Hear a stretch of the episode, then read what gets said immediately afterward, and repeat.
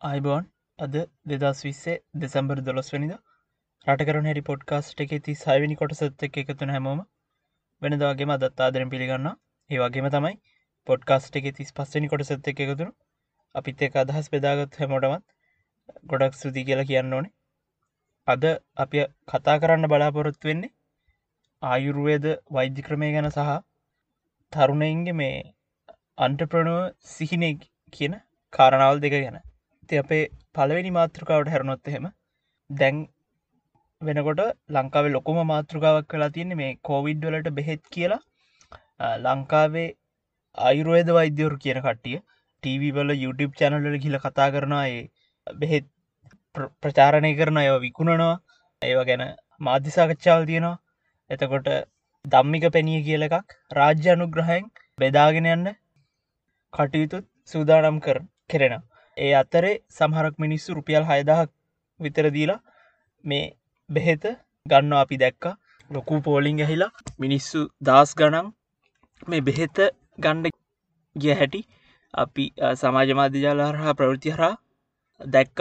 ඉතිං මේක මුල් කරගෙන ලංකාවේ මේ ආයුරුවේද වෛද්‍ය ක්‍රමය ගැන ලොකු කතාබහක් ඇති වෙලා තියෙනවා. ඉතිං කට්ටියක් කියනවා මේක දේශී බෙහෙතක් වුණත් කමක් නැහැ. ලෙඩේ හොඳ වෙනවනම් එක පාවිච්චි කරන්න ඕන කිය ඒ වගේම තමයි තවත් කට්ටියක් කියන මේක හරියට පරීක්ෂණ නොකරපු දෙයක් නිසා බෙහෙත හොයාගත්ත කෙන එක හොයාගත්ත විදිහ ඒකට ඒ අමුද්‍රව්‍ය හරියට ප්‍රකාශ කරන්න නැති හන්ද මේ හරියට පරීක්ෂණ නොකරපු හන්ද මේක පාවිච්චයට නොසුදුසුයි කියලා.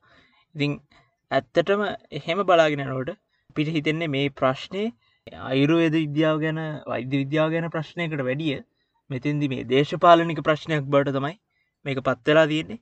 ඉතිං ඒ වගේලාග අපි බලන්න ඕනේ කොහොමද දේශපාලනික විදිහට මේ ප්‍රශ්නය සලකා බලන්න නැතුව කොහොමද හරියට ප්‍රශ්නය ප්‍රවිද වෛද්‍ය විද්‍යා ගැන මේ ඇතිලා තියෙන කතාපා ඉසඳන්න කොහොමද කියලා. ඉතිං එත්තකොට ආයුර්වේද විද්‍යාවයි වර්තමාන මේ බටහිර වෛද්‍යවිද්‍යාවයි තියන්නේ කොත්තනද කියල තමයි අපි මුලින්ම සලකර බලන්නවා බටහිර වෛද්‍යවිද්‍යාව පටන්ගන්නේ දහට වෙනිසිවසේ අග භාගය වගේ වෙනකොට. ඊට කලින් යුරෝපෙත් තිබිල තියෙනවා මේ ලංකාවේ ආයුර්වේද වෛද්‍ය විද්‍යාව වගේම මේ සාම්ප්‍රදායික වෛද්‍ය ක්‍රමයක්.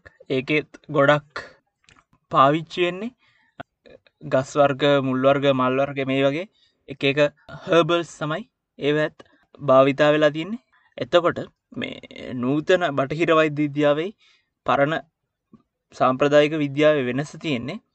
නූතන බටහිර වෛද්‍ය විද්‍යාවේ වැක්සිනේෂන් එකක් එහෙමනැත්තං බොන්න මොකක් හරි බෙහෙතක් ටැබ්ලට් එකක් එලියට දනවනම් ඒකේ ප්‍රතිඵල පරීක්ෂා කරන්න පුළුවන්ගෙන්න්න ඕනි සහ ලබාගන්න ප්‍රතිඵලය නැවත රිපීට් කරන්න පුළුවන්ගෙන්න්න ඕනේ. කියන්නේ ඒ රිසල්ස් ටෙස්ටබල් සහ රීප්‍රොඩියසබල් වෙන්න ඕන්. ඒක තමයි මේ සාම්ප්‍රදායක විද්‍යාවයි නූතන විද්‍යාව තියෙන ලොකුම වෙනස.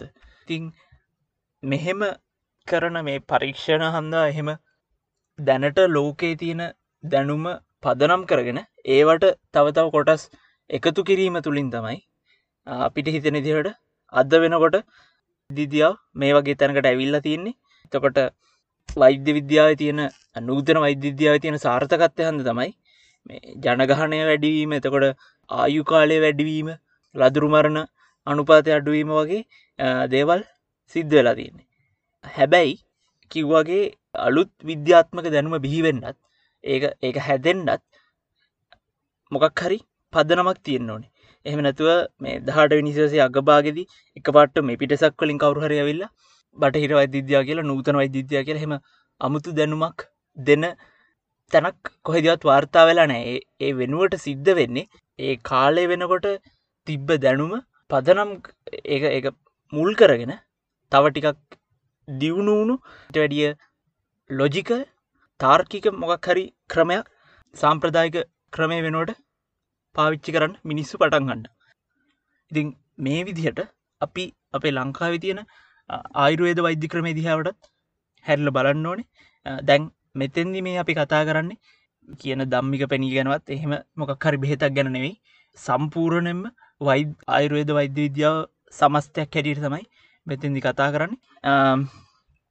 දැන් අපි කලින්කිවට නූතන වෛද්‍ය විද්‍යාවේ බෙහෙත් වර්ග වලින් රෝග සුව කරන්න පුළුවන් කියලා. ඒ වගේම තමයි ලංකාවෙත් ඕන තරම් මිනිස්සු ඉන්න අයුරුවේද වෛද්‍යීත්‍යයා පාවිච්චි කරන. ඒකෙන් ලෙඩ හොඳ කරගන්න. එහෙමනං යම් කිසි සාර්ථකත්වයක් හරි අයුරුවේද වෛද්‍යීද්‍යාවට තියෙනවා කියලා අපිට පිළිගන්න සිද්ධනවා ඒ සාර්ථකත්වය කොහොමද අපි ලොජිකල් තැනකට තාර්ගික තැනකට ගේන්න කියන ප්‍රශ්න තමයි අද වෙනකොට අපිට තියෙන්නේ. ආයුර්වේද වෛද්‍යවිද්‍යාව යාවත් කාලීන කරන්න කොහොම තියෙන එක තමයි අද අපිට ඇතිවෙලා තියෙන ප්‍රශ්නය මොකද මේ ආයුර්වේද වෛද්‍ය විද්‍යාගන සාකච්ඡායිදී මත්තුවෙන ප්‍රධානම කාරණාවක් තමයි මේ බෙහෙත් අයුර්වේද විද්‍යා තියෙන බෙහෙත්වර්ග පරීක්ෂාවට ලක් කරලා තියෙනවාද? කවුද හදන්නේ? මේක හදන්ඩ පදනම මොකක්ද එකට මූලික වුණ බේසික් නොලෙජ්ජ එක මොකක්ද වගේ කාරණාවල්. ඉතිං නූතන වෛද්‍යවිද්‍යාවේ බෙහෙත් ටෙස්ට් කරන විදිහට අපිට පුළුවන්නම් ආයුර්වේද වෛද්‍යවිද්‍යාව තියෙන ප්‍රතිකර්ම පරීක්ෂා කරන්න ප්‍රතිඵල රිපීට් කරන්න. එතකොට ආයුර්වේද වෛද්‍ය විද්‍යාව ගැන විශ්වවිද්‍යාල පීට පවා තියෙනකොට උපාදි තිය උපාදි පාටමාල තියෙනකොට අඩුම ගාන පුළුවන් වෙන්න ඕනේ රිසර්ච්චන් ඩිවලප්මන්් කරන්න ආයුර්වේද විද්‍යාව පාවිච්චි කරලා. ඉතිං ඒ වගේ දෙයක් කරලා තමයි අපිට මේ ආයුර්වේද වෛද්‍යවිද්‍යාවට තියෙනනම් මොකක් හරි පිළිගැනීමක්. ඒක මීටඩිය ලොකු තැනකට ගන්න පුළන්ගෙන්නේ හැබැයි කිසිම දෙයක් නොකර අද වෙනකොට සිද්ධලා තියෙන්නේ මේ මේක ලොකු ගැටලුවකට ඇවිල්ල තියෙන්නේ සුදුසුකම් නැති මූලික දැනුවක් නැති එක. හදාර හදාරපු නැති දේශපාලන සම්බන්ධතා තියෙනයි කියලා චෝදනා තියෙන පුද්ගලයෙක් පරීක්ෂණ කිරීම් කරන්න නැතුව හරි ක්‍රියාපටිපාටි අනුගමනය කරන්න නැතුව තමන්ගේ හිතුමනාපයට මේක කොරනවලට බෙහෙතක් කියලා පෙන්නල අන්තිමට අයිරුවේද වෛද්‍යීද්‍යාට යම් කිසි පිළිගැනීමත් තියෙනනේ පිළිගැනීමට හානි කරන එක තමයි අපිට පේන්ඩ තියෙන් ඉතිං මේ වෙලාවේ දැන් ආයත් අපි කෝවිඩ්ඩොලට හදන එක එක බෙහෙද්දියාවට හැරුණොත් එහෙම මේ බෙහෙත්තුලට සපෝට් කරනයට ඒ දැම්ම පුළුවන්තර ඉක්මට මිනිස්සුන්ට බෙදල දෙන්න ඕනි කියන කට්ටියට නොතේරෙන දේ තමයි මේ ආයුරුවේද හොඳයි කියලා ඔප්පු කරන්න ගන්න මේ උත්සාහය හන්දා අන්තිමට නැතිවෙන්නේ අර ආයුර්වේද විද්‍යාවට තියෙන පිළිගැනීමම තමයි. ඉතිං ඒක ගැන මිනිස්සු මිටඩි හිතන්න ඕනි කියලා අපි කල්පනා කරනවා.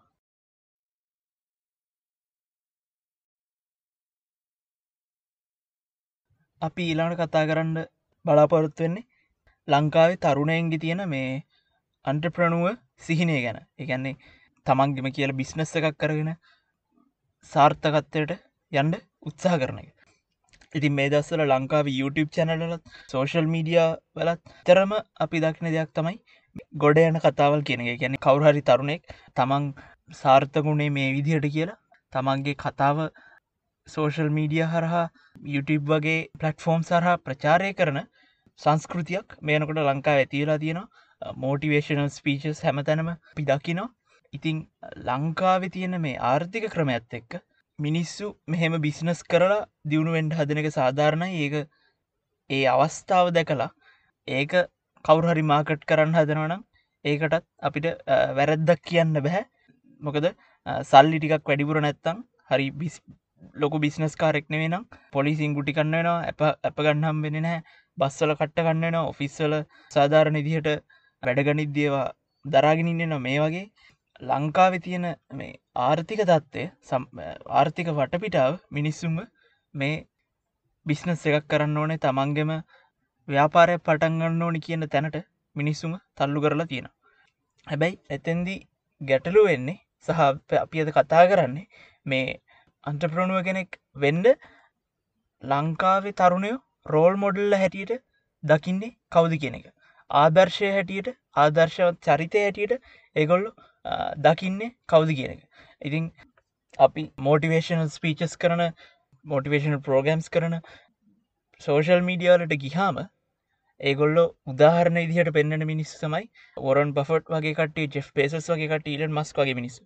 හැබැයි අපි නොදන්න දේ තමයි එක්කෝ පිට නොපෙනෙන දේ තමයි වොරන් බෆට් කියල කියන්නේ තමන්ගේ සමාගම්වල ආදායම්.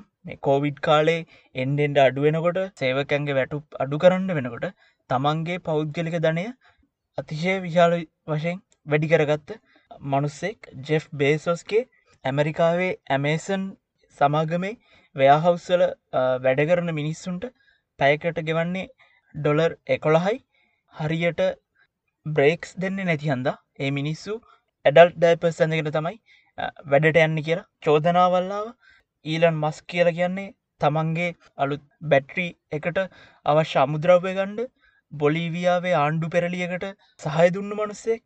ඉතින් මෙයාල තමයි ලංකාවේ තරුණයන්ගේ ආදර්ශමත් චරිත වෙන්නේ. ලංකාවේ තරුණයන්ගේ රෝල් මොඩල්ස් ලවෙන්නේ ලෝකෙ වටේම ඉන්න තරුණ පරම්පරාව ඊත්ද රිච් කියනකොට ලංකාවේ තරුණ පරම්පරාව විතරක් ඊලොන් මස්ක් වගේ ජෙෆ් බේසස් වගේ මිනිස්සු අනුකරණය කරන්න හදන ඒ මිනිස්සු වගේ වෙන්න හදනවා. නව නිර්මාණ හරහා බිසිනස් මොඩල් හරා දියුණුවෙන එක වැරදි නැහැ. හඳට රොකට් එකක් වන්න ස්පේසෙක් වගේ ප්‍රජෙක්් තියෙන් ඕනේ. ඩ්‍රෝන් වලින් බඩු ඩිලිව කරන සර්විසස් තියෙන් ඕනේ. ඇමේසන් වගේ මිනිස්සුන්ට ඉක්මට තමන්ට අවශ්‍ය බඩු හොයාගන්න පුළුවන්ගෙන සේවාවල් තියෙන් ඕන. ඒවා එහෙම තමයි ශිෂ්ඨාචාර ඉස්සරහට යන්නේ. හැබැයි එහෙම ඉස්සරහට යන්න ට්‍රයි කරනකොට අපි ආදර්ශය හැටියට ගන්නේ ඔලිගාක්ස් ලවනම් අපි නවතින්නේ වැරදි තැනක. මේකට හේතු හැටියට අපි නං හිතන්නේ මේ ඉන්න මිලේනියල්ස්ලා එතකොට ජෙන්සෙඩ්ලට කලින් ඉඳපු පරම්පරාවල් බටහිර රටවල්ල පරම්පරාවල් හැදුනේ ගොඩක් කලාවට. ඇමරිකානු බලපැමත් එක් සීතල යුද්ධ කාලේ. තකොට ධනවාදය හොඳයි කියන කාරණාවල් මත හැදුණු පිරිසක් තමයි ගොඩක් බටහිර රටවල්ල ඉන්න. ඉතිං ලංකාවේ හැබැයි ඒ වෙනෝට තිබේ ලොකු රුසියානු බලපෑමක් සියනු සංස්කෘතිය රුසියානු පොත් වගේ දෙවල්. එතකොට ජVP කැරලි මේ වගේ දේවල්. ඒ හන්ද තමයි මේ පෞද්ගලි කරණය ගැන නිදහස් අධ්‍යාපනය ගැන බටහිරයි ලංකාවේ තියෙන අදහස් කිනෙකට වෙනස්වෙන්න ඉතින් ඒ කොහොමුණත් බටහිරටල් පිළිපැදපු ඒගොල්ලන්ගේ ආර්ථික ක්‍රමය හන්ද අද වෙනකොට ජෙෆ් බේසොස් වගේ ගොඩාක් ධනවත් ව්‍යාපාරිකයෝ තමන් යටතේ වැඩ කරන මිනිස්සුන්ව හූරාගෙන කන තත්ත්වයට බටහිර රටවල් පත්වෙලා තියෙනවා. එගොල්ලෝ දේශපාල දේශපාලනය කන්ට්‍රෝල් කරන තැනට තමන්ගේ සල්ලිවලින් දේශපාලනය කන්ට්‍රෝල් කරන තැනට ඒ සමාජයවල් පත්වෙලා තියෙනවා. ඉතින් ඒක හන්ද තමයි ඒ රටවල්වල තරුණු පරම්පරාව ඊද්ද රිච් කියලා කියන්නේ. ගැන්නේ ඒද්ද රිච් කියල කියන්නේ සල්ලි තියෙන මිනිස්සුන්ට ටැක්ස් කරන්න ඕන. ඒගොල්ලො ප්‍රාධ කරනවාද කියල බලන්න ඕනේ. ඒගොල්ලොන්ගෙන් දේශපාලනයට තියෙන බලපෑම සමාජයට තියෙන බලපෑම අඩු කරන්න ඕනේ. කියනවගේ කාරණාවල්. හැබැයි ලංකාවට හැරනකොට ලංකාවේ ඒ වෙනුවට අපි අහන්නේ ජෙෆ් බේසස් දනවත්ම පුද්ගලයවුණ එක ගැන ඊලොන් මස් ක්‍රොකට් එකක් යපු ගැන මාක් සකබර්ග් ෆෙස්බුක් එකට වත්සැප් එකයි ටග්‍රම් එකයි ඔක්කොම තියෙන ඔක්කොම දේවල් කතු කරගන්නෙක් ගැන මිසක් ඒගොල්ලො කරන බදු ගෙවීම් මගහැරීම් වගේ දේවල් එතකොට පිටරටල්වල ආණ්ඩු පෙරලන්ඩු දව් කරන දේවල් වගේ දේවල් ගැන නෙවෙයි. ඉතිං අහගෙනින්නට කියන්න තියන්නේ අන්ට ප්‍රණුව කෙනෙක් වීමේ වැරද්දක් නැහැ. තමන්ගෙම ව්‍යාපාරයක් කරන එක ඒකින් දියුණුවෙන එක වැරදි දෙයක් නෙවෙයි. ඒක තමයි සිද්ධ වෙන්න ඕනේ.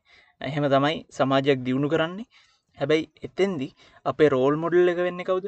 අපේ ආදර්ශය වෙන්න කවුද කියනෙක් ගැන අපි මීට වැඩිය පොඩ්ඩක් පරිසංගන්න ඕනේ. මීටඩි පොඩ්ඩක් කල්පනා කරලා බලන්න ඕන. ඉතින්